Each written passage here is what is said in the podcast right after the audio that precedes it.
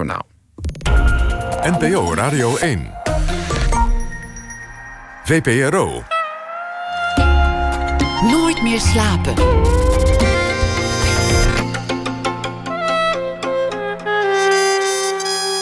Met Pieter van der Wielen.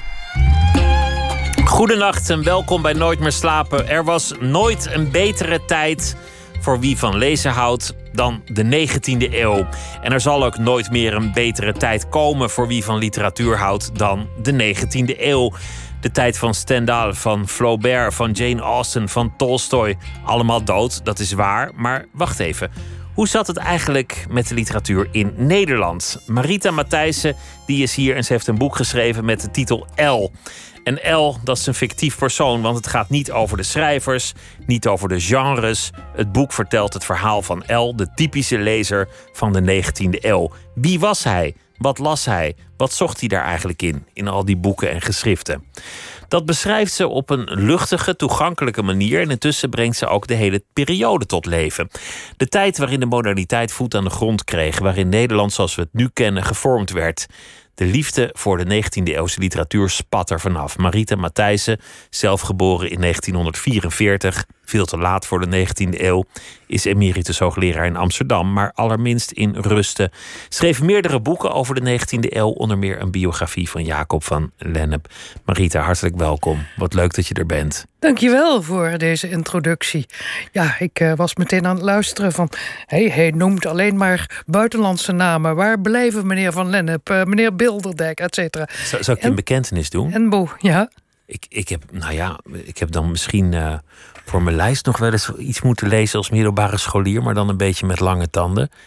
Maar, maar verder heb ik ze eigenlijk allemaal niet gelezen. Die maar Multatuli heb je toch wel? Multatuli heb ik dan ja, nog wel en dat gelezen. heb je misschien toch wel ook eens herlezen. Ja, en, en uh, de Camera Obscura, die had ik dan natuurlijk wel gelezen. Maar dan, dan ben je er eigenlijk wel. Piet Paaltjes ken je ook wel. Ja, ja, ja, Piet Zie je wel, er komt toch wel, wel, Meer, uh, meer naar boven als dan je denkt. En natuurlijk, kijk, ook uh, Herman Gorter hoort bij de 19e eeuw. En dat ken je vast ook wel. Ja, dat ken ik je ook hebt, nog wel. Ja. Maar ik, ik, heb het, ik heb het altijd op de een of andere manier niet zo hoog aangeschreven als, als dan die, die grote 19e eeuwse romans waar je dan nog wel eens mee op vakantie ging. En dat je dan eigenlijk niet onder je boom vandaan kwam, omdat je dat helemaal in dat boek zat. Die mijlpalen van de literatuur. Daar schaar je dan die Nederlanders toch niet echt onder vaak. Is dat vloeken?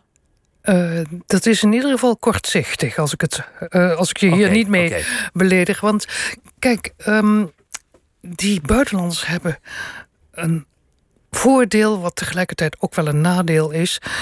Namelijk dat ze in vertaling aangeboden worden. Dus jij leest de taal van nu bij die buitenlanders. Als jij een Rus neemt of een Flaubert of wie dan ook, dan lees je gewoon een lekker goed lopende vertaling. Dan lees ik Hans van Pinkster of wie ja, zich er ook aan gewaagd heeft. Ja, Hans Bouwman. Goede vertalers. En uh, van nu. Zou jij een 19e eeuwse vertaling lezen van Flaubert, dan zou je ook denken van, oh, oh is dat wel van deze tijd? En dat is het nadeel van de Nederlandse schrijvers. Die zijn niet omgezet in modernere taal. Dus je leest die in oude spelling, in de oude drukken vaak nog, et cetera. En dan, ja, dan slepen ze misschien toch niet zo mee als ze eigenlijk wel zouden kunnen. Ik geef uh, gerust wel toe dat een, een, Flaubert niet bestond in Nederland. Maar ja, uh, die bestond ook niet in die tijd in Engeland bijvoorbeeld. Dus, en in Denemarken, Zweden, de andere kleine landen ook niet. Dus wat dat betreft hoef je ook niet echt neer te kijken op Nederland. Want de, ja, ik, ik stel me altijd voor dat er ergens uh, boven iemand gestaan heeft met een grote handvol met schrijvers. Genie, genieën. Shakespeare zat erin en zoiets. En in de 19e eeuw zat daar inderdaad Flaubert in en uh, Tolstoy. En uh, die gooiden dat zo in de lucht en dat kwam neer. Ja, natuurlijk kwam er niet zoveel neer in, in Nederland en, niet, en wat minder klein, in Denemarken. En wat meer in die grote gebieden. Maar ze zijn er wel echt hele goede schrijvers. En uh, het is, ja, je, je moet er even je voor openstellen. Je, je hele werkende leven gaat over die 19e eeuw eigenlijk. Voor een heel groot deel. Voor een groot deel, ja. ja. Is, uh, ja, ik ben er eigenlijk mee begonnen um, al, al vrij vroeg hoor. Ik vond al, al mijn eerste leesherinnering heel eenvoudig heeft met Dickens te maken. Ik was, stond toen in de Maasbode en dan heb ik het over de jaren, de vijftiger jaren zo ongeveer. Stond er in de Maasbode, een katholieke krant waar mijn vader op geabonneerd was, een soort stripverhaal David Copperfield. Dus vereenvoudigd en met tekeningen erbij. Nou, ik wist niet hoe snel ik dat te lezen moest krijgen. Dat is eigenlijk mijn eerste leesherinnering. David Copperfield in een vereenvoudigde uitvoering. En ik heb dat altijd mooi blijven vinden. Op de middelbare school het, het sprak je aan? Ja, het sprak me aan. Die romantiek sprak me aan. De, het, Later heb ik gezien hoe goed die verteltechniek van de 19e eeuw is. Die kunnen verhalen in elkaar vlechten en ze komen altijd weer goed uit. En dat doet iemand als Van Lennep ook. Dus een verhaal, diverse verhaallijnen in elkaar zetten en het komt op zijn pootjes terecht op het einde. Was dat Limburg van de jaren 50 niet eigenlijk gewoon nog een klein beetje de 19e eeuw? Ja, eigenlijk wel. Als ik uh, denk aan. Uh, mijn buurman bijvoorbeeld, die nog een toilet had, een wc uh, buiten, met zo'n plank met een gat erin. En die uh, één varken hield, dat werd geslacht voor de winter en dan aten ze daar de winter van. Dan denk ik, dit, dit is gewoon zoals het in de 19e eeuw en in de 18e eeuw was. Dus dat is de, de de, de, de, de mensen in dat Limburgse dorp, die, ja, die waren niet veel anders dan de mensen in de, in de 19e eeuw waren. En de invloed van de kerk was daar ook nog heel erg groot. Dat is de trage tijd. De, de tijd ja, waarin juist niet veel verandert. Dat is heel snel veranderd zo in de jaren zestig. Toen kwam dat geloofsafval. De, er kwamen dingen naar buiten over priesters. Er kwam uh, de, de van, van, uh, vanuit Duitsland wat afgesloten was geweest... in de jaren na de oorlog kwam toen die boetervaart op, op gang. Hè, dat ze dus naar Nederland kwamen. Het werd toen allemaal heel, heel snel veranderde de tijd. Was jij, was jij nog heel erg katholiek opgevoed? Ik ben heel katholiek opgevoed, ja. Mijn uh, ouders waren echt zeer vroom. Was, was jij dan ook zeer vroom of, of, of sprak het je niet zo aan? Dat is pas veranderd op de middelbare school. Dan krijg je andere informatie. Dan hoor je over bijvoorbeeld de Franse Revolutie. En uh, dan, dan, dan ga je je realiseren van... moet ik dit wel allemaal geloven? Dan begin je pas te, na te denken. Je, ja, je, als kind richt je je naar de ouders. En uh, dan, dan twijfel je daar niet aan. Het was ook trouwens wel een... Uh, ja, soms heb je wel eens het gevoel, geloofde ik nog maar? Wat zou het veel makkelijker zijn? Hè? Overzichtelijker, duidelijker. Uh, mooier ook. Hè? Stel je voor dat je werkelijk de, je geliefde nog zou kunnen tegenkomen uh, na je dood. Dat zou toch waanzinnig mooi zijn. Ja, je kunt willen geloven, maar je, het moet ook lukken.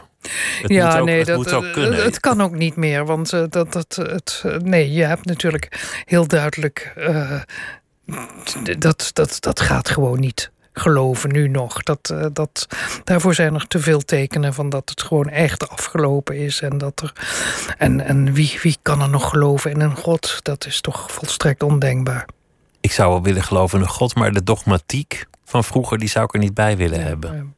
Kreeg, kreeg, kreeg jij nog, nog, nog wel eens een, een tik als, als jong meisje in de jaren 50 met een, met een lineaal bijvoorbeeld? Um, ja, we hadden één juf die, uh, die uh, sloeg bijvoorbeeld uh, meisjes die linkshandig waren. Want ik zat natuurlijk op een meisjesschool. Meisjes die linkshandig probeerden te schrijven, die kregen een map met, een, met een stok. Ik heb op de middelbare school nog een leraar Latijn gehad die, als je niet goed oplette, dan gooide die zo'n houten borstel naar je kop. Dus ja, en dat, dat kwam in die tijd nog wel voor, ja wel een andere dogmatiek dan, dan nu. In ieder geval. Zou je nu niet meer mee wegkomen. Wat, wat betekende dat lezen voor jou? Heel was je toen al een heel vervente lezer? Ja, ik, uh, ik, uh, vanaf, het, uh, vanaf mijn kindertijd ben ik een, een enorme lezer geweest. Een enorme liefhebber. Het, wij moesten naar een bibliotheek om boeken te halen. En we kregen je moest ervoor betalen, een dubbeltje per boek. En wij kregen van mijn vader, mijn twee oudere broers en ik, we kregen allebei drie dubbeltjes om boeken te halen. één per, per week, hè, dus drie boeken per week mochten we hebben. En dan ging ik onderhandelen met mijn broers.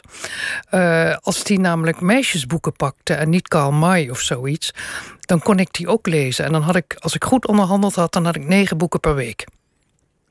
dat is echt nog wel veel lezen. Ja.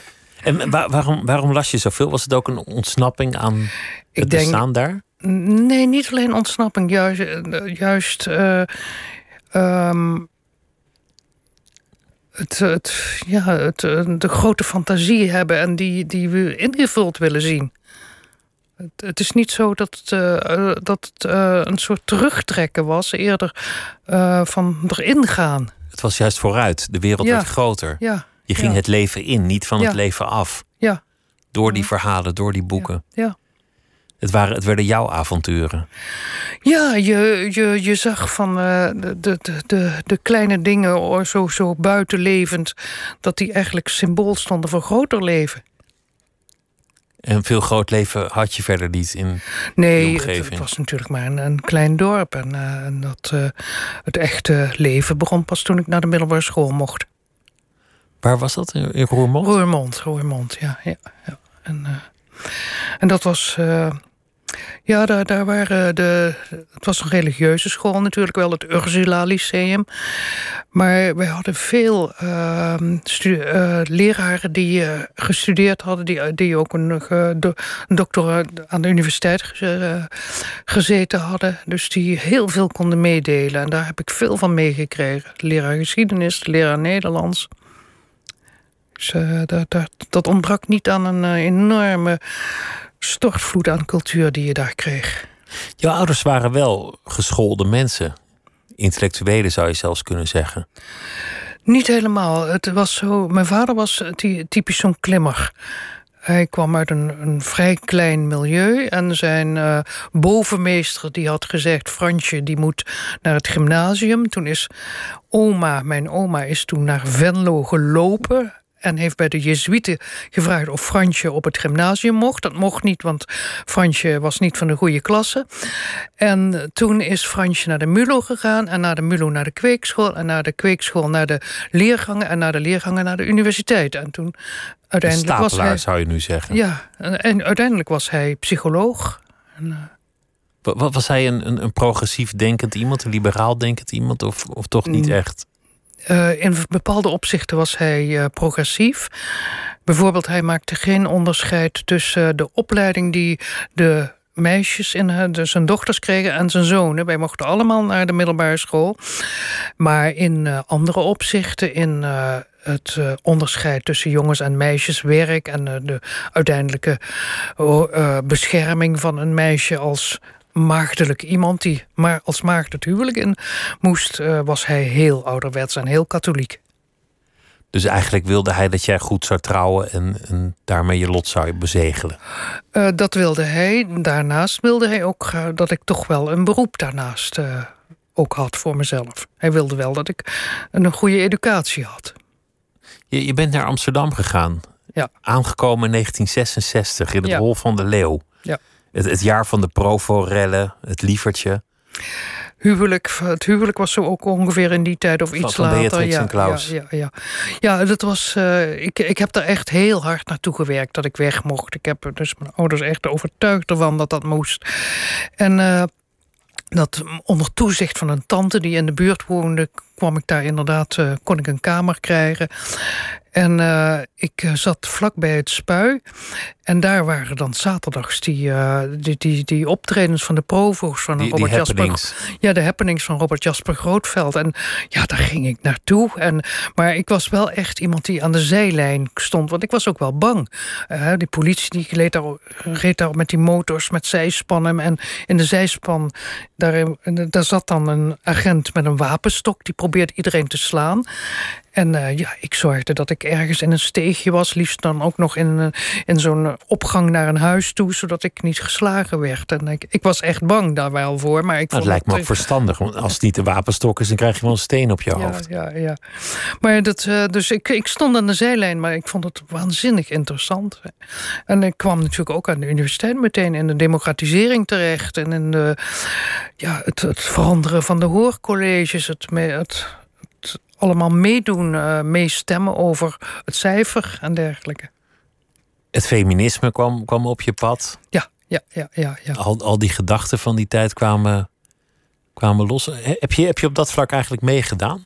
Allemaal een beetje aan de zijkant. Ik, heb, eh, eh, ik, ik kende nogal wat feministen, maar ik was niet zo dat ik echt eh, mee, de, de, mee de straat op ging of ja, mee ging demonstreren. Ik, ik keek veel meer. Ik keek en, Een observator. ik was meer de observator. En, eh, ik heb toen ook mijn, eh, mijn toenmalige man leren kennen, en mijn eerste man. En die, eh, die, ja, die zat in de insectensecte en die zat bij eh, het openbaar kunstgebied, hoe heette het ook alweer. En eh, het Resistentieorkest had hij opgericht. En eh, helemaal hij in die alternatieve. Wat? Hij, was was violist, violist, ja, ja. ja. violist. Dus hij zat in die totale anarchie van de eh, creativiteit in die tijd en toen. En, en eh, ja, ik vond dat ook geweldig leuk. Maar eh, het. eh, beetje aan de zijkant deed ik wat daar wel aan mee, ja. Maar altijd aan de zijkant. Meer kijken dan, dan, dan, Dan doen. doen. Ja, ja, ja. Dat is ook een goede levenshouding misschien.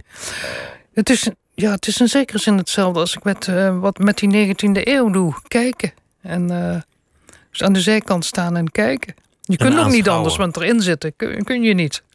Die, die wereld, van- want, want je noemt je, je man, hij is, hij is overleden, Huub Matthijssen. Hij, hij schijnt als inspiratie te hebben gediend voor Mulisch. Voor de ontdekking van de hemel, voor een van de personages. Hij is de, de Bruno in, eh, in de ontdekking van de hemel. Ja, dus de, daar de, de man die nooit lacht, is hij daar genoemd. Nou, ik heb hem wel zien lachen hoor, maar eh, het. eh, Goed, dat is dan weer de fictie. Ja, ja. En, eh, maar zijn atelier, eh, zijn, zijn studio moet ik zeggen, die st- staat daarin beschreven. En, eh, ja.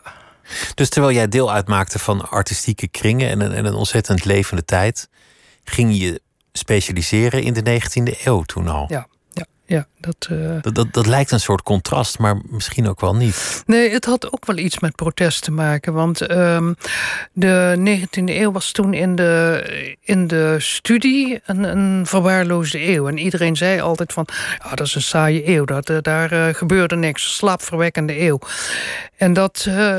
dus, ja, dat, dat stoorde mij heel erg. Die tachtigers wel. Hè, iedereen zei, al, al mijn professoren die zeiden altijd van... ja, de echte Nederlandse literatuur... die is pas begonnen bij de tachtigers.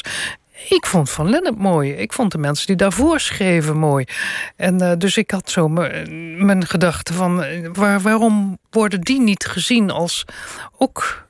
Ook goede schrijvers. En, eh, dus het, eh, dus er zit ook iets van protest in, in die eh, wending naar de 19e eeuw. En toen heb ik ook, ja, samen met eh, Peter van Zonneveld, hebben wij toen ook een genootschap 19e eeuw studie mensen opgericht die zich op de studie wierpen van de 19e eeuw. En we hebben toen een blad opgericht eh, dat nog niet bestond, speciaal aan de 19e eeuw gewijd. Dus er zat ook wel iets van protest in tegen het vastgebeitelde eh, beeld van de 19e eeuw. Wel interessant, want je noemt bij je eigen jeugd de Franse Revolutie als een inspiratie om, om je geloof te doen wankelen. Dat, Ja. dat je daarover las en dacht, oh, het kan ook anders zijn. Ja. En dat, dat hing natuurlijk als een schaduw over de hele 19e eeuw. De dreiging van revolutie, de noodzaak van verandering, het opkomen van de middenklasse en, en later zelfs het emanciperen van vrouwen, van de onderklasse, van eh, mensen van kleur, in, vooral in de Verenigde Staten dan. Ja. Het voorzichtige begin van decolonisatie, als je dat zo zou mogen noemen. Het is helemaal geen saaie eeuw. Waar, komt dat Nee. beeld toch vandaan dat het een saaie eeuw zou zijn? Ja, dat, dat, is, dat, dat begrijp ik dus ook niet. Want als je, als je eh, die eeuw kent, dan weet je gewoon dat toen pas de dingen veranderd zijn. En bij eigenlijk alles waar wij nu mee te maken hebben... waarin dus die tijd omgekeerd is en, vooral een, vooruitgang is gekomen... op veel gebieden, is eigenlijk in de 19e eeuw begonnen. Maar ook op techniekgebied. Hè. De geneeskunde is pas in de 19e eeuw echt op gang gekomen. De röntgenstralen die in de 19e eeuw uitgevonden werden. Vaccinaties, om maar eens een actueel thema te noemen. Begin, begin 19e eeuw werkten ze nog met bloedzuigers en, en uh, op wonden. Uh, in de 19e eeuw is het gipsverband uitgevonden, wat overigens een van mijn voorvaderen gedaan heeft. Het uh, restauratiebeleid, hè, dus het, het con conserveren van oude gebouwen. Het behouden. Erfgoed. Het erfgoedidee is van de 19e eeuw. Maar ook dus inderdaad het idee van dat er dat je die klasseonderscheid minder moet zijn. Het afschaffen van de slavernij, het afschaffen van kinderarbeid, het afschaffen van de doodstraf. Allemaal begonnen in die 19e eeuw. En wat techniek betreft, uh, in het begin van de eeuw als ze een boek wilden maken, nou, dat duurde wat hoor. Ze konden ongeveer 100 pagina's per dag, per, per uur drukken. Meer niet. En dat betekende dat als er een boek gedrukt werd, nou, hooguit 800 exemplaren of zo kwamen ervan. Aan het eind van de 19e eeuw, dan heb je die draaiende persen. Dan rolt het eruit. Dan kunnen ze zo 10.000 exemplaren maken in één dag. En dus op dat gebied zie je dus een enorme vooruitgang. En, en, en dat. dat de, en Nederland kreeg een grondwet, om maar eens iets te noemen. De grondwet, dus de, de koning die dus uh, een ceremoniële functie kreeg. Maar ik denk vooral dus die, die, die stoommachine. Hè? Het feit dat je dus de tijd kon versnellen, de afstanden kon, kon uh, verminderen door de trein en door het schip. Dat heeft denk ik ook heel veel invloed gehad op het denken van de mens. Tot 1820, 30 of zoiets was de allersnelste manier om ergens te komen een paard. Op een paard gaan zitten en dat een beetje opjennen. En dan komt er opeens die trein. En die gaat twee, drie keer zo snel. En dan dan, dan is één kilometer geen één, kilometer meer. Dan, dan wordt dat heel, een heel anders ervaren. Nou, wilde je naar Engeland gaan, was je afhankelijk van de wind. En in het begin van de eeuw. En op een gegeven moment word je afhankelijk van gewoon een motor die je zelf aan en uit kunt zetten. Dus die, die veranderingen die moeten dus ook echt in de koppen van de mensen ongelooflijk um, ja, veel omkeringen veroorzaakt hebben. Misschien ook wel angst. Dat het, dat het te snel ging. Dat, dat ineens geen zekerheid meer stond. De, koe, de, de, de boeren die waren heel bang dat de koeien van streek waren door de treinen, hè, door de, die stoomtreinen. En er werd ook echt gedacht dat het een uitvinding van Satan was met die roetwolken die er uit die dingen kwamen. En dat moderne kunst kwam door de hersenbeschadigingen die zou oplopen door hoge snelheden. Ja, en, en natuurlijk werd een, een, schilder als Turner, die niet figuratief werkt, dat, die werd ook als een gek gezien qua kunst is het ook de, de mooiste eeuw die er geweest is, de 19e eeuw. En, en muziek.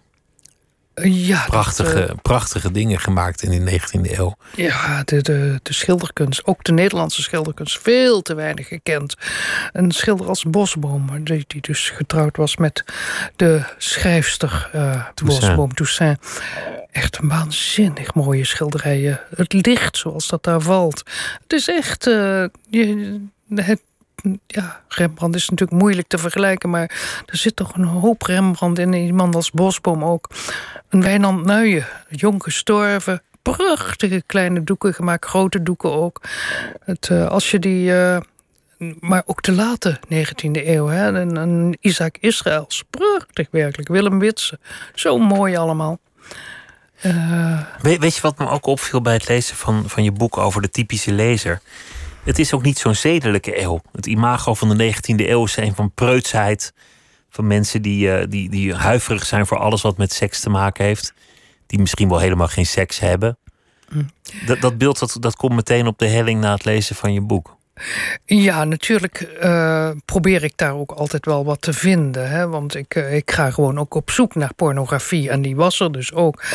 Maar tegelijkertijd is het wel zo dat uh, als er bijvoorbeeld een seksuele daad in een boek beschreven wordt, dat dat niet beschreven wordt in de betere literatuur en de hogere literatuur, maar er wordt een regeltje wit aangeweid. Hè, dan, uh, dan gebeurt het. Dat, uh, dus die pornografie is voor. Dat zijn maar pornografie is echt, echt voor, voor, uh, voor onder de toonbank. Hè. Dat, die wordt niet. die is niet. Niet, niet verkrijgbaar voor dames bijvoorbeeld. En hoewel er een, een ook wel spotprenten zijn waarbij dames wel afgebeeld worden met pornografische boekjes. En dat zal in de hogere kringen ook heus wel gebeurd zijn, maar echt. Um... Maar het was stiekemer dan, dan we het nu zouden doen. Ja, heel, heel stiekem. Nou ja, je zou het nu ook nog altijd wel een beetje stiekem doen, denk ik toch? Maar minder stiekem dan, dan voorheen. Ik denk dat mensen iets opener worden over seksualiteit in het algemeen. In het algemeen zeker, ja.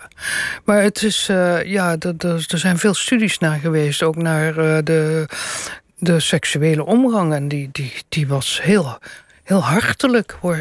Dus, de, de, naar, de, dus de echtgenoten, die, de, de, ja, dat, het was niet zo dat het kil was en dat het alleen maar uh, met uh, gesloten deuren gebeurde of iets dergelijks. Dat, uh, dat, dat zou je, daar zou je je echt in vergissen als je denkt dat dat daar dat dat alleen maar ja, het toe, ja, doen wat God, be, God wil betekende. Er werd ook echt wel genoten van de seksuele daad, denk ik zo. Je hebt, je hebt, je hebt de 19e eeuw wel eens omschreven als een maskerade. Ja, de gemaskerde eeuw heb ik hem genoemd. En dat heeft eh, met twee dingen te maken. In de eerste plaats hebben wij dus op die eeuw een masker gedrukt. We hebben hem zo slaperig gemaakt en zo ja, miskend eigenlijk als, uh, als buitengewone eeuw. Maar tegelijkertijd was het natuurlijk toch ook een eeuw van de dubbele moraal. Want uh, het was echt wel zo dat de mannen heel wat meer vrijheden hadden dan de vrouwen, wat uh, seksualiteit betreft. En dat het ook echt vrij normaal gevonden werd dat een man, ja, als een vrouw zwanger was, dan moest er toch, het zaad moet vloeien.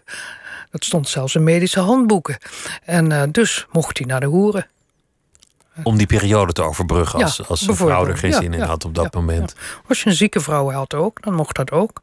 Of als uh, mannen, in, jongens ingewijd moesten worden... Dan, dan was er vaak de vader die, die, die zei van... dan moet je bij Dora gaan, daar in de Nes, die, die is goed. En dan kon die het, kon die het leren aan. Ja, die kon het dan leren aan, aan, een van jong. de jongelui.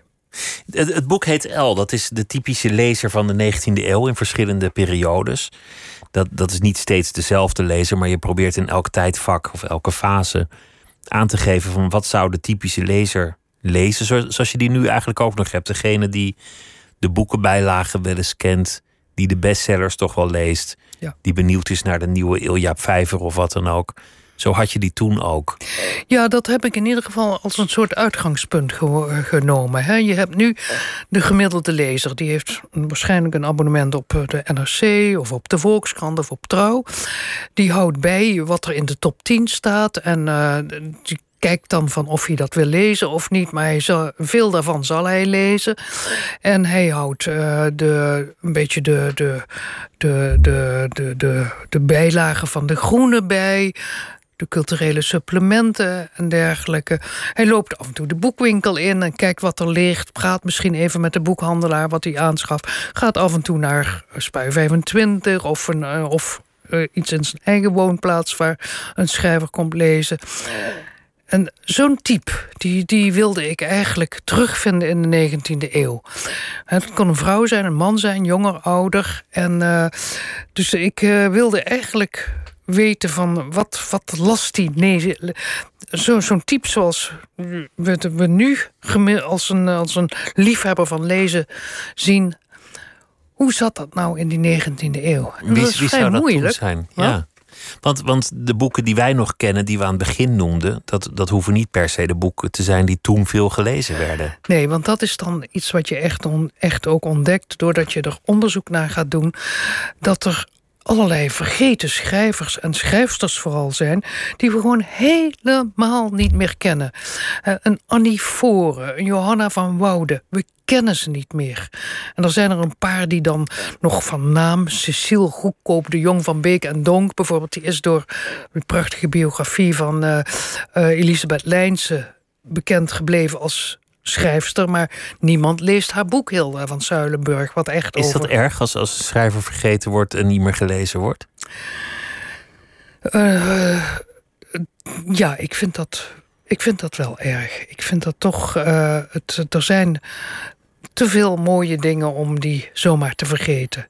Het is uh, niet zo dat je een boek van nu mooi, altijd mooier is dan een boek van toen. Dus je moet toch ook keuzes maken in wat je nu leest. En dat mag best geregeld eens een boek uit het verleden zijn. Het is toch erfgoed? Het is zonde om weg te gooien? Ja, het is net als uh, een, een uh, gebouwen uit uh, de uit het verleden, die wil je toch ook over het algemeen handhaven. Het hoeft niet allemaal, ja, je hoeft niet elk hutje uh, op, uh, in Drenthe te handhaven, maar je wilt toch een paar voorbeelden daarvan zien. En je wilt toch die mooie gebouwen uit de 17e eeuw en een mooie gebouw uit de 19e eeuw, van begin 20e eeuw, daar wil je toch een aantal weer daarvan behouden hebben. En je kunt niet alles bewaren uit het heden, want dan kom je om uh, uit het verleden, want dan kom je echt om in de rommel. Maar de mooie dingen uit het verleden of de specifieke dingen uit het verleden bewaren. Ja, dat is toch iets wat, wat gewoon gedaan moet worden. En daar hoort de literatuur ook bij. Het is ons literair erfgoed. En er zijn buitengewoon interessante teksten uit het verleden. Vondel bijvoorbeeld, hè? Lucifer, is een zo'n schitterend toneelstuk over macht. Daar gaat het over, macht. Je kunt het zo plakken op deze tijd. En uh, ja, het, waar blijven de goede voorstellingen daarvan? Dus het, dat, dat zou nu nog wel te reanimeren als je, zijn. Ja, je moet het uh, wel inderdaad misschien reanimeren. Dat woord gebruik je. Je moet in zekere zin moet je reanimeren. Je moet soms ook gewoon... Uh, die romans van Van Lennep die lenen zich buitengewoon goed voor tv-films, voor series. En uh, dat, ja, dat, dat is maar nog niet gebeurd. We, we doen het terloops in je eigen leven Mulisch. Die wordt volgens mij ook niet meer zo heel veel gelezen. En dat is nog heel kort geleden. En die, Ja. boeken, zijn, die boeken zijn echt nog steeds prachtig. Ja. Ze zijn echt nog hier en daar misschien een beetje gedateerd, maar dat is wel leuk. Dat is wel charmant. Ja. Maar, maar zelfs dat wordt eigenlijk al niet meer zoveel Nee, ik gelezen. weet het. eh, De, de grote drie van, uh, van vroeger. En ook Wolkers. Wolkers, zijn biografie is wel gelezen, maar zijn boeken worden nauwelijks meer gelezen. En dat geldt voor Hermans, dat geldt voor Reven nog meer. Het, uh, ja, het. Uh, dus, dus dan ja. wordt het een bijna onmogelijke missie om, om die 19e eeuwse literatuur nog aan de man te Nee, brengen. je moet er gewoon de parels eruit halen en die moet je, die moet je koesteren. Nee, je kunt niet alles uit die 19e eeuw uh, uh, behouden. Dat is hetzelfde als wanneer je thuis. Uh, je wil, je, het liefste zou je misschien het hele servies en alle glazen van je moeder, als die overleden is, meenemen en koesteren. Maar nee, twee, drie glazen. Anders dan kom je om in de spullen. Dus, uh, dus het, uh, dat wat, wat specifiek is en, en esthetisch bijzonder handhaven, koesteren, koesteren uh, afstoffen, reanimeren, hoe dan ook erbij houden. Voor, voor wie net uh, inschakelt, Marita Matthijssen zit tegenover mij en die heeft een boek geschreven, El, de lezer van de 19e eeuw. En we hadden het over de 19e eeuw, een eeuw waar haar werkende leven voor een groot deel over gaat. En uh, we hadden het over het ontdekken van, uh, van die 19e eeuw als jong meisje in een katholiek Limburg. En daarna de tocht naar Amsterdam in de jaren 60. Je, je schrijft, en dat, dat was een zinnetje dat, dat wel beklijfde. Weinig dingen kunnen een gedachtegoed zo snel veranderen als een echt goede roman, als een echt goed boek. En dat, dat gebruik je in de context van, van de slavernij. Ja. En dan heb je het over de, de hut van oom Tom. En dat is een boek dat echt het denken over, over slavernij wereldwijd veranderd heeft. Ja, en het is heel snel vertaald in het Nederlands. Het is in 52 uitgekomen. En in 53 meteen is het dus vertaald. En dat heeft meteen ook ingeslagen als een bom.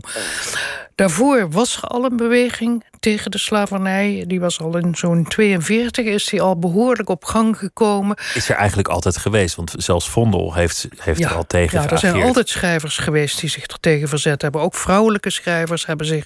Hè, Betje Wolf heeft er tegen geschreven. Petronella Moens, die is wat minder bekend, heeft er tegen geschreven. Er zijn ook veel dominees geweest die aan het einde van de 18e eeuw al er tegen schreven. Voltaire is natuurlijk ja. bekend. Ja, en... Uh, eh, hier in Nederland was er begonnen dus een beweging op gang te komen in de jaren 40 van de 19e eeuw. Een echte, ja, dus, dus niet dat het individuen zijn die zich er tegen verzetten, maar een groep. En dat is uh, geïntensiveerd na de vertaling van Uncle Tom's Cabin. En uh, toen is er echt keihard aan gewerkt door mensen in de samenleving. En boeken die hebben dus daar een grote rol in gespeeld. Ook dus boeken van Nederlanders. Want daarna is er een boek van uh, een zekere Van Heuvel gekomen... die de Nederlandse Hut van Omtom genoemd wordt... die daaraan meegewerkt heeft om die slavernij echt te zien als een kwaad... wat afgeschaft moest worden, wat bestreden moest worden. En daarin, um, ja, literatuur kan echt veel. Die kan echt iets openbaren. Die, Die kan, het hoofd en het hart bereiken als het, als het goed gedaan het, is. Het kan, uh, literatuur kan zowel pijn doen als troosten. Kan een wond verbinden, maar ook een wond openmaken. En eigenlijk uh, gebeurt dat beide in dit soort boeken. Je maakt het eerst open, die mond. Je laat zien hoe schrijnend het is. in, dan heb ik het met name over de hut van oom Tom. Je laat zien hoe erg het is.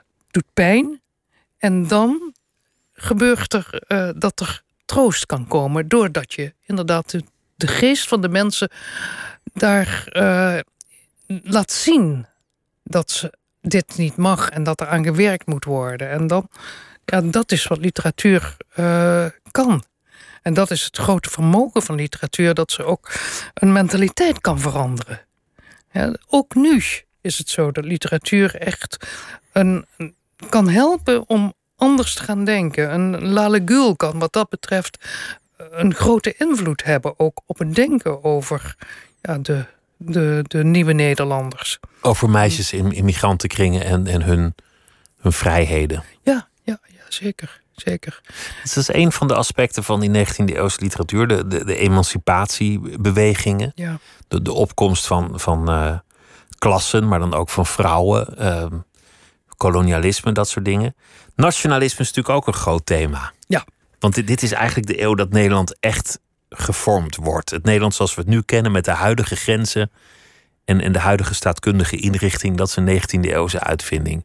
Het Koninkrijk der Nederlanden met een grondwet zonder België. Ja, nou ja, het is uh, natuurlijk bijzonder jammer dat uh, die tijd van het Verenigd Koninkrijk, toen uh, Nederland en België één waren, dat dat toch mislukt is. Ik zou daar ja, het, het, zou toch eigenlijk wel geweldig zijn geweest als dat bij elkaar was gebleven. Als Vlaanderen er wel bij had Ja, tenminste Vlaanderen. Dat Wallonië, dat, dat had wel naar Frankrijk gemogen. Maar uh, als, stel dat Vlaanderen bij Nederland was geweest, uh, dat was een zegen geweest voor de literatuur. Ja, dus ja, die, Vlaamse schrijvers die hebben ook zo hun eigen inbreng en hun eigen taalvermogen. De taal zou rijker zijn geweest, de literatuur zou rijker zijn geweest.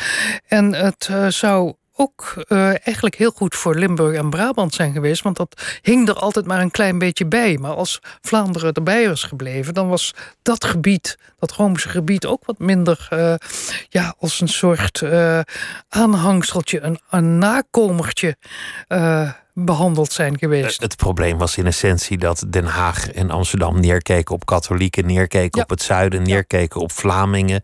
Ja. Ze bekommerden zich er niet om. Ze, ze, ze hebben ook helemaal niet geprobeerd serieus om het erbij te houden. Nee, nee, nee ze waren eigenlijk blij. Ze waren blij toen. en die arme van Spijk heeft zich opgeblazen, maar verder is er niet echt geprobeerd om het erbij te houden. Het interesseerde nee. ze gewoon geen, geen. Nee, ze waren eigenlijk kun je zeggen dat ze blij waren van de koude kant af te zijn.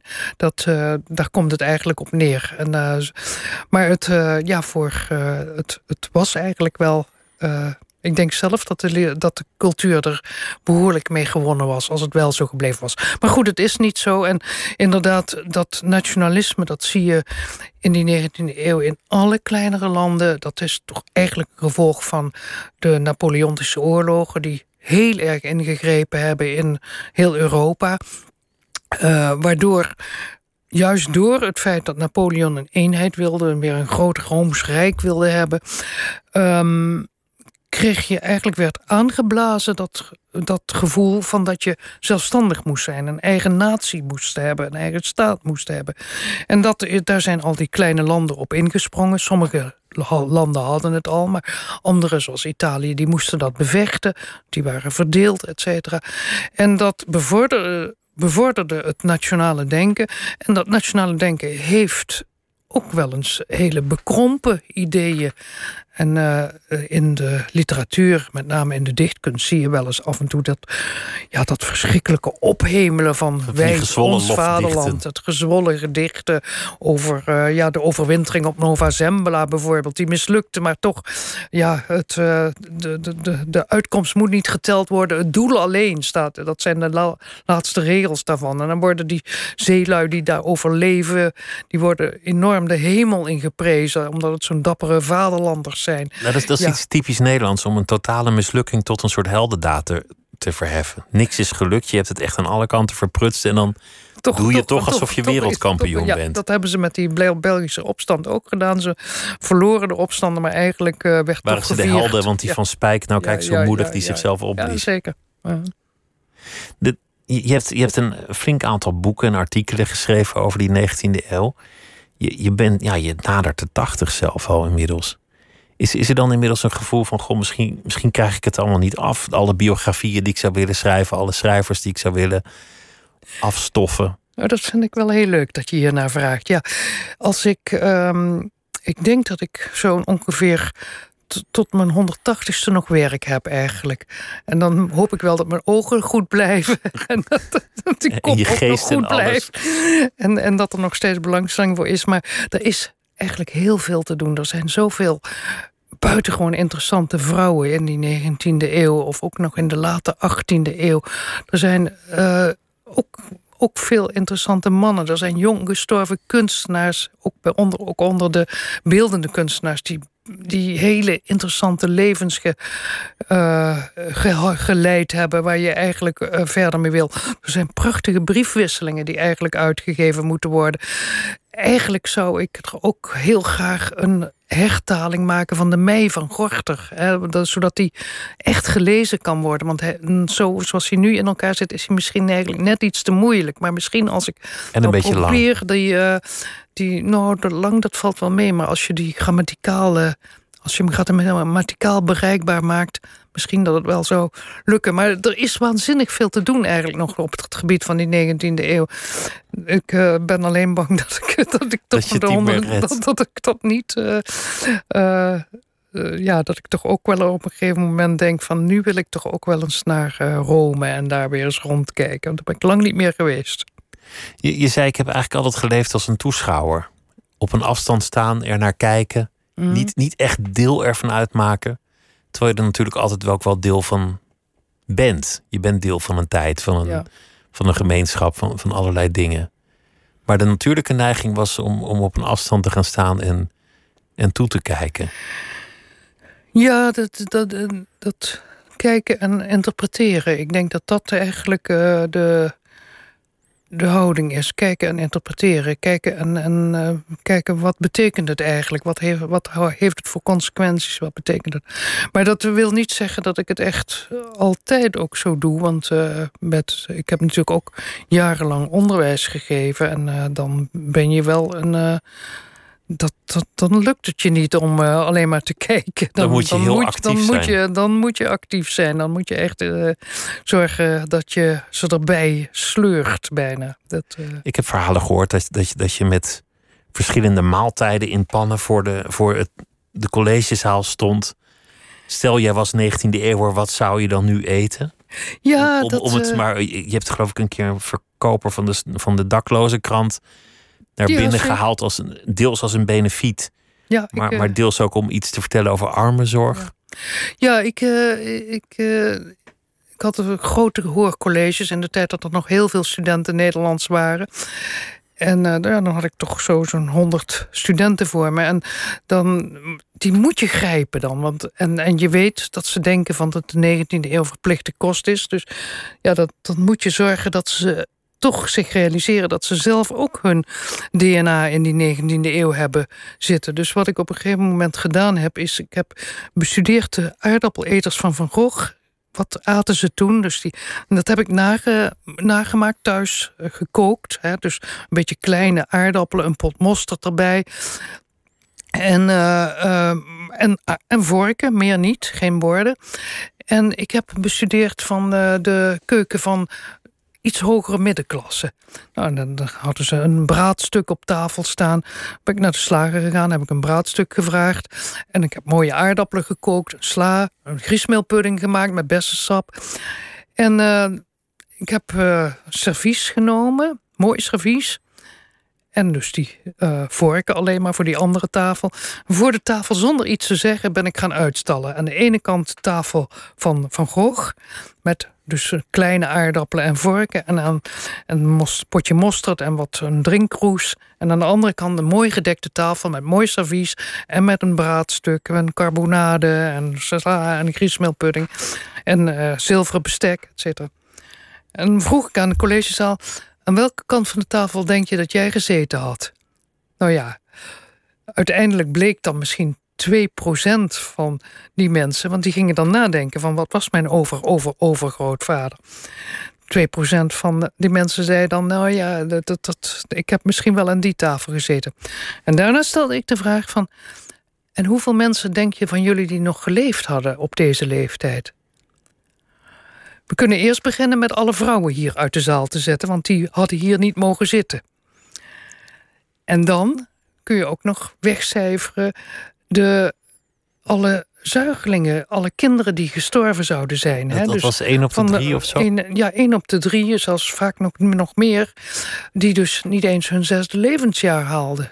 Tot hun zesde was nog veel meer. De zuigelingen was één op de twee, geloof ik. En dus, bij, tot hun zesde ging daar nog het een en ander van dood.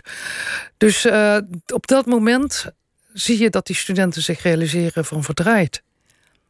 Zo was het in die tijd.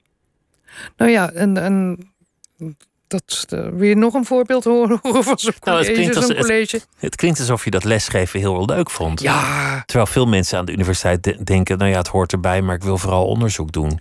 Nee, ik heb dat lesgeven altijd heel bijzonder gevonden. Het is uh, het, dat beginnen met, uh, met studenten en, en met, met een soort weerzin...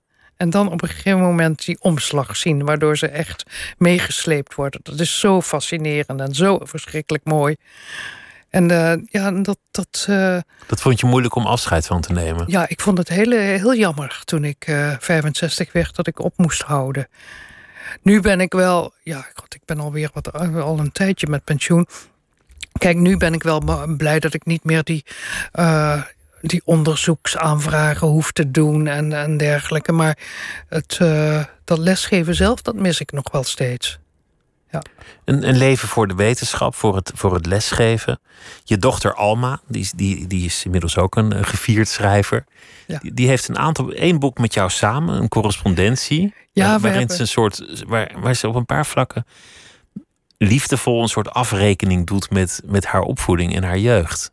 Ja, ze is, uh, ze is veel meer, uh, ik zal het akelige woord woke gebruiken. Ze is veel radicaler in de opvattingen dan ik ben. Ik ben toch, toch vaak wel wat voorzichtiger. Ik ben voor onder mijn leeftijdsgenoten, ja, dat, doe ik, daar, daar ben ik misschien wel, wel woke. Maar uh, vergeleken met Alma ben ik veel, uh, uh, veel toleranter. In, in, die zin van dat ik. Milder gestemd. Milder, ja. Dat is, ik vond, is heel fel in, in de. Ja? Eén ding vond ik zo leuk in, dat in dat boek. Dat, dat zij zegt: Mam, hoe kon jij nou toch een soort feminist mij een Barbie-pop geven? Wat, wat, een, wat een seksisme heb je erin gepompt op die manier? En, en dat jij terugschreef Ach kind, ik had het je moeten weigeren. Je, je zeurde erom. Er was, was niet eens de mogelijkheid om je die pop niet te geven. Nee, nee, nee zo, zo, zo was dat. Ze wilde roze jurkjes. En ze, en ze wilde inderdaad uh, gewoon uh, met Barbie spelen. En als je nou, eerste... had gehad, was, was dat met het klappertjespistool waarschijnlijk precies hetzelfde gegaan. Ja, nou, het was uh, wel zo dat de eerste Barbiepop kreeg ze van de werkster. Want wij hadden eigenlijk afgesproken met mijn man en ik... we geven alleen houten speelgoed en we geven alleen mooi educatief speelgoed. En toen kwam de werkster, die ongelooflijk lief was, die werkster... met een Barbie aan. En toen merkte ik hoe mooi ze daarmee speelde... en dat het helemaal niet... niet ja, dat het er ook de fantasie op... op op gang bracht. We hebben toen ook wel een Ken erbij gekocht, dus dat ze ook een mannelijke Barbie had. dat biedt meer mogelijkheden ook. Ze, ze schrijft ook over haar vader, over, over jouw man en, en, de, en zijn dood. En beschrijft hem eigenlijk met, met een soort vraag eronder van... Uh, was die man wel toegerust op het krijgen van kinderen... met zijn levensstijl, met, met het drinken, met, met het veel weg zijn... en met dat hele revolutionaire elan dat, er, dat erbij zat. En, en dat, dat is ook wel heel verdrietig om te lezen. Het, uh, haar boeken zijn voor mij niet altijd makkelijk, nee. Want uh, ja, mijn man was geweldig, maar het was wel een moeilijke man... die inderdaad uh, te veel dronk. En uh, hij zou het in deze tijd ook heel, heel, heel moeilijk hebben. Dat met veel dingen, ja. En, ehm, hoe, hoe bedoel je, zou hij het nu moeilijk hebben? Het... Um, nou, bijvoorbeeld de bureaucratisering in de kunsten. Hij, uh, als hij vroeger een project uh, wilde hebben en daar wat geld voor wilde hebben, dan ging hij in de café zitten. En dan ging hij even praten met de directeur van het Goethe-instituut en de directeur van het Filmmuseum. En uh, daarna pakte hij de telefoon en belde wat van zijn companen, van zijn makkers. En dan had hij een project. Dan had hij een nieuwe revue of een nieuwe ja, gewoon een stomme film waar die, uh, waar die een, een muzikant erbij draaide. Nou, zo gaat dat niet meer. Je moet tegenwoordig moet je dus een project drie jaar van tevoren aanvragen. En alle details moeten keurig van tevoren vaststaan. Dan zou die niet hebben kunnen leven in zo'n bureaucratie die nu vereist is, ook voor kunstenaars. Het gaat ook een beetje over een soort keerzijde van, van het hemelbestormende gedachtegoed. Van we gaan het helemaal anders doen, we zijn vrij het kunstenaarsleven. En dat, dat je ineens terugkijkt en denkt van goh, het was.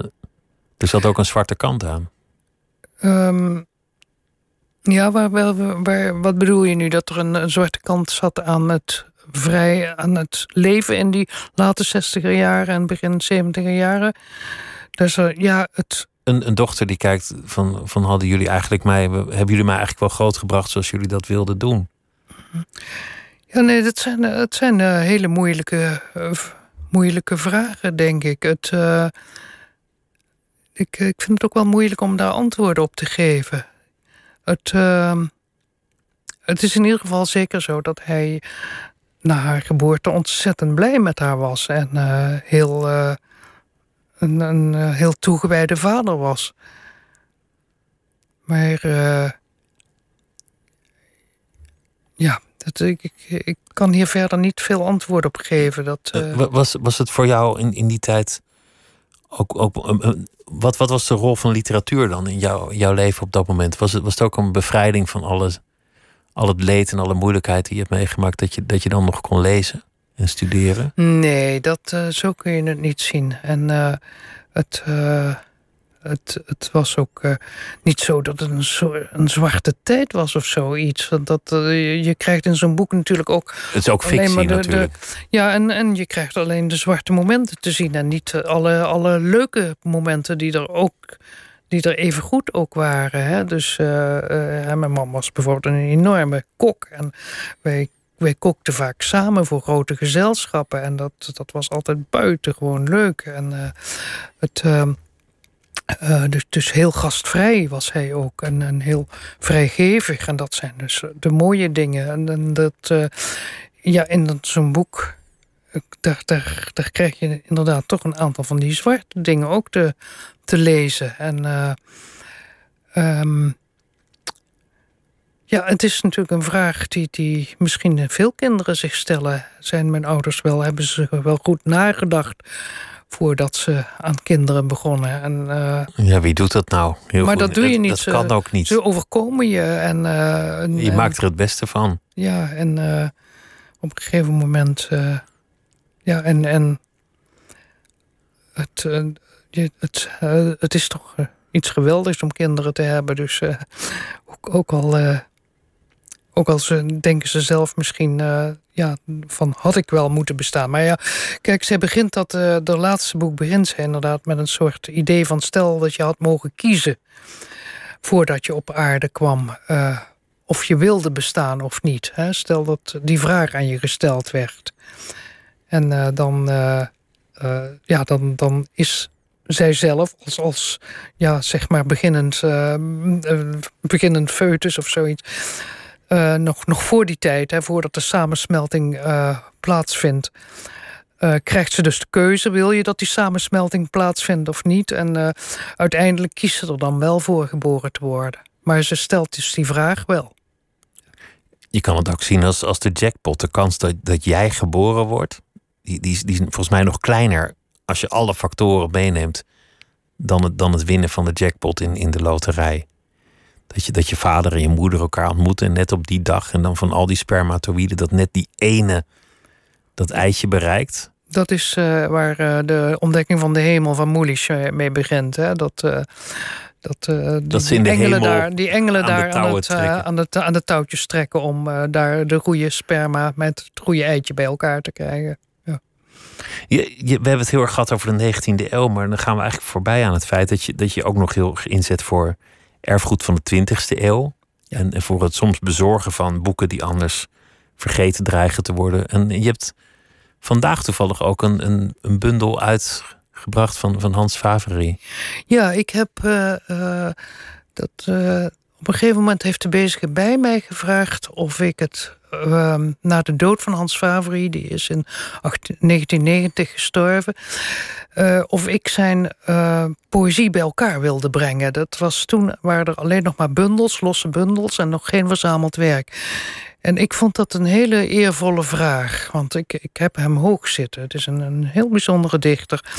En uh, ik heb dat toen gedaan. En toen, nou, da daarna, ik ben in contact met zijn weduwe gekomen. En op een gegeven moment heeft die weduwe gevraagd of ik eigenlijk de literair, literair testamentair executeur wilde worden van Favri. En dat heb ik toen aangenomen. Dus ik ben nu eigenlijk degene, ze hadden geen kinderen, en ik ben nu eigenlijk degene die over de nalatenschap van Hans Favri gaat, als er iets gepubliceerd moet worden. En nu heb ik uh, dus besloten. Uh, ja, zijn verzameld werk was niet meer te krijgen. En ik denk dat er nu een nieuwe generatie is die het best prettig vindt om een bloemlezing daaruit te hebben. Dus niet dat je zo'n heel verzameld werk van een, een 5, 6, 700 gedichten hebt, maar 100 goed gekozen gedichten. The greatest dus hits, als het ware. Ja, dus dat heb ik nu samengesteld. En dat is dan uh, hopelijk voor een nieuwe generatie uh, poëzieliefhebbers uh, toegankelijk. Interessante man. Er wordt ook nog veel gelezen in, in andere landen. In Frankrijk is hij nog ja, populair. Is, dit jaar is er een een vertaling van al zijn poëzie in het Frans uitgekomen. Er is nu net ook een poëziebundel van hem uitgekomen in het Italiaans. Dus hij wordt uh, enorm gewaardeerd in het buitenland ook. En in Suriname natuurlijk. Ja, er is natuurlijk die Surinaamse afkomst van hem... waar toch ook meer van in die poëzie zit... dan over het algemeen aangenomen wordt. Interessant. Dankjewel dat je langs wilde komen, Marita Matthijssen. En het boek heet L, de lezer van de 19e eeuw. Over de Nederlandse literatuur en de geschiedenis van die rijke 19e eeuw. Dankjewel, het was me genoeg om met je te spreken. Dank je. Jij ook bedankt. En dit was uh, Nooit meer slapen voor deze nacht. En uh, morgen dan zijn we er weer. En dan ontvang ik de winnaar van de Gouden Griffel want morgen begint ook de Kinderboekenweek. En daarna, uh, zometeen dus uh, op deze zender, kunt u luisteren naar uh, Miss Podcast. Milou Brandt in gesprek met Gisbert van Balen. Een hele goede nacht en tot morgen.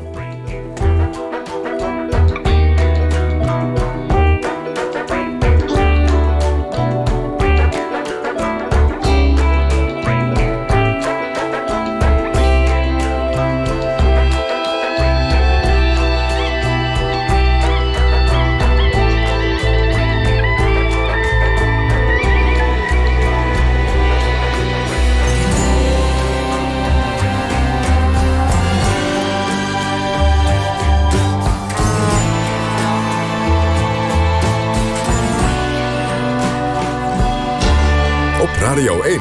Het nieuws van alle kanten.